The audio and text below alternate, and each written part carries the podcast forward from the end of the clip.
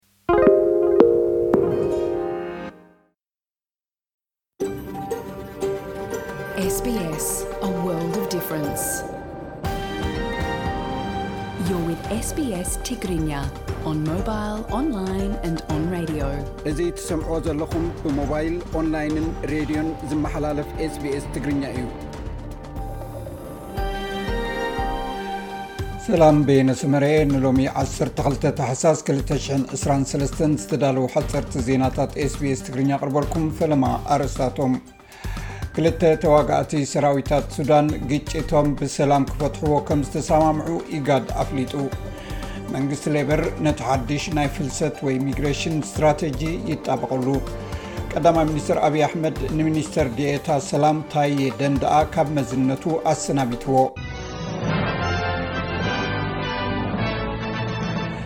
መንግስቲ ለበር ነቲ ሓድሽ ናይ ፍልሰት ወይ ሚግሬሽን ስትራተጂ ይጣበቐሉ እቲ ዝተገብረ ለውጢ ዜጋታት ኣውስትራልያ ንስራሕ ቀዳምነት ንክወሃቦም ዘረጋግፅ እዩ ክብል ገሊፁ እቲ መንግስቲ ብሶኒ 11 ተሓሳሳብ ዘውፅኦ ናይ ሚግሬሽን ስርዓት ኣብ ዝቕፅል ክልተ ዓመታት ፅሩይ ዝኣቱ ብዝሒስ ፍልሰተኛ ብፍርቂ ብምጉዳል ኣብ ዝቕፅል ዓሰርተ ዓመታት ኣድላይ ክኢላዊ ዓቕሚ ሰራሕተኛ ከምዝስሕብ ድማ ኣረጋጊፁ።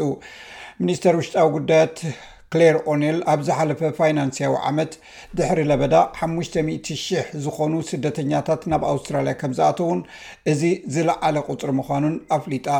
ፕሪምየር ኩንስላንድ ኣነስቴዥያ ፓላዤ ብ ዓሰርተ ታሕሳስ ካብ ፖለቲካ ክትወፅእ ምዃና ድሕሪ ምፍላጣ ኣብ ኣውስትራልያ ሓድሽ ፕሪምየር ወይ ኣመሓዳሪ ግዝኣት ኩንስላንድ መን ከም ዝኸውን ንምፍላጥ ዝግበር መስርሕ ይካየድ ኣሎ። ምክትል ፕሪምየር ስቲቨን ሚለስ ከምኡውን ሚኒስተር ጥዕና ሻኖን ፌንቲማንን ክልቲኦም ነቲ ስልጣን ክወዳደሩ ምዃኖም ኣፍሊጦም ኣለዉ።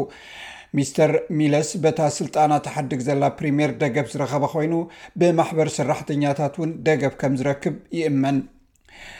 ሚኒስተር ምክልኻል እስራኤል ምስ ሓማስ ዝተጀመረ ውግእ ድሕሪ ምዝዛሙ እስራኤል ኣብ ወሽመጥ ቃዛ ናይ ምጽናሕ ድሌት ከም ዘይብላ ገሊጹ እዚ ዝመጽእ ዘሎ እቲ ናይ እስራኤል ናይ መሬት መጥቃዕቲ ኣብ ዝቕጽለሉ ዘሎን ታንክታት ናብ ከተማ ካሃን ዮንስ ደፊኤን ይኣትዋ ኣብ ዘለዋሉ እዩ እስራኤል ሰላማውያን ሰባት ካብ ማእከል እታ ከተማ ካሃድሙ እውን ኣዚዛ ኣላ። ኣብ ናይ ዱባይ ኮንፈረንስ ዋዕላ ኮፕ 28 ክሊማ ዝተሳተፉ ክኢላታት እቲ ቻይና ኣብ ቀጠልያ ጸዓት ዘተኣታተወቶ ሞዴል ካልኦት ሃገራት ብኸመይ ናብ ሕዳሰ ከም ዝሰጋገራ ዘርኢ ኣብነት ከም ዝኾነ ተዛሪቦም። ቻይና ኣብ ኮፕ ዕስራን ሸሞንተን ዋዕላ ክሊማ ዲጂታዊ ምርኢት ኣቕሪባ እያ። ኣብቲ ግዜ እቲ ቻይና ኣብ ለውጢ ጸዓት ብፍላይ ከኣ ኣብ ዲጂታላይዜሽን ኣብ ትሑት ካርቦን ለውጢ ንምምጻእ ብዙሕ ንጥፈታት ተካይድ ከም ዘላ ተገሊጹ ነይሩ። ቀዳማይ ሚኒስተር ኣብይ ኣሕመድ ንሚኒስተር ዲኤታ ሰላም ታዬ ደንደኣ ካብ መዝነቱ ኣሰናቢትዎ።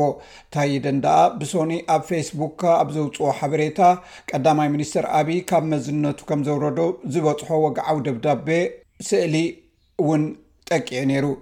እቲ ካብ ቤት ፅሕፈት ቀዳማይ ሚኒስትር ከምዝመፀን ክታም ኣብይ ኣሕመድ ከምዘለዎን ዘመልክት ሓፂር ደብዳቤ ካብ ዕስራን ሸሞንተን መስከረም ክልተ ሽሕን ዓሰርተ ኣርባዕተን ዓመተ ምህረት ግእዝ ጀሚሩ ሚኒስትር ዴኤታ ሚኒስትር ሰላም ብምዃን ንዘበርከትካዮ ኣስተዋፅኦ እናመስገንኩ ካብ ሓደ ታሕሳስ ክልተ ሽሕን ዓሰርተ ሽዱሽተን ዓመተ ምህረት ግእዝ ጀሚሩ ካብ ሓላፍነት ከም ዝወርድካ ኤፍልጠካ ዝብል እዩ።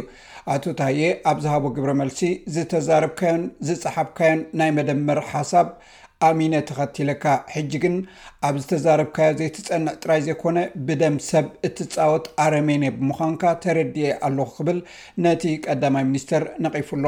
ሓቂ መሲሉኒ ብስም ህልውና ሃገር ተካይዶን ንዝነበርካን ኢትዮጵያውያን ካብ ምቕታል ሓሊፉ ነታ ሃገር ዘዳቐቐን ከንቱ ኩናት የዳምቐልካ ኣብ ዝነበርክሉ እዋን ተመጉሰኒ ኔርካ።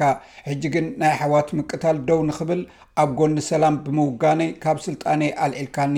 ንመንበርን መኪናን ተገዚኤ ንኦሮሞ ብኦሮሞ ንምጥፋእን ኦሮሞ ምስ ዓዋቱ ንምጽላእን እትጻወቶ ጠላዕ እናረኣኹ ሱቕ ብዘይምባለይ ሕጉስ እየ። ንዝነበረና ሓፂር ፃንሒት ድማ ኤመስግን ኢሉ። ክልተ ተዋጋእቲ ሰራዊት ሱዳን ግጭቶም ብሰላም ክፈትሕዎ ከም ዝተሰማምዑ ኢጋድ ኣፍሊጡ። ሕቡራት መንግስታት ኣሜሪካ ኣብ ዋዕላ ኢጋድ ጀነራል ብሩሃን ኣሕመድ ከምኡውን ናይ RSF ጀነራል ሑመቲ ብዘይቅድመ ኩነት ተኹሲ ደው ንምባል ገፅ ንገፅ ክራኸቡ ብምውሳኖም ዝተበፅሐ ስምምዕ ብሓጎስ ተቐቢላቶ።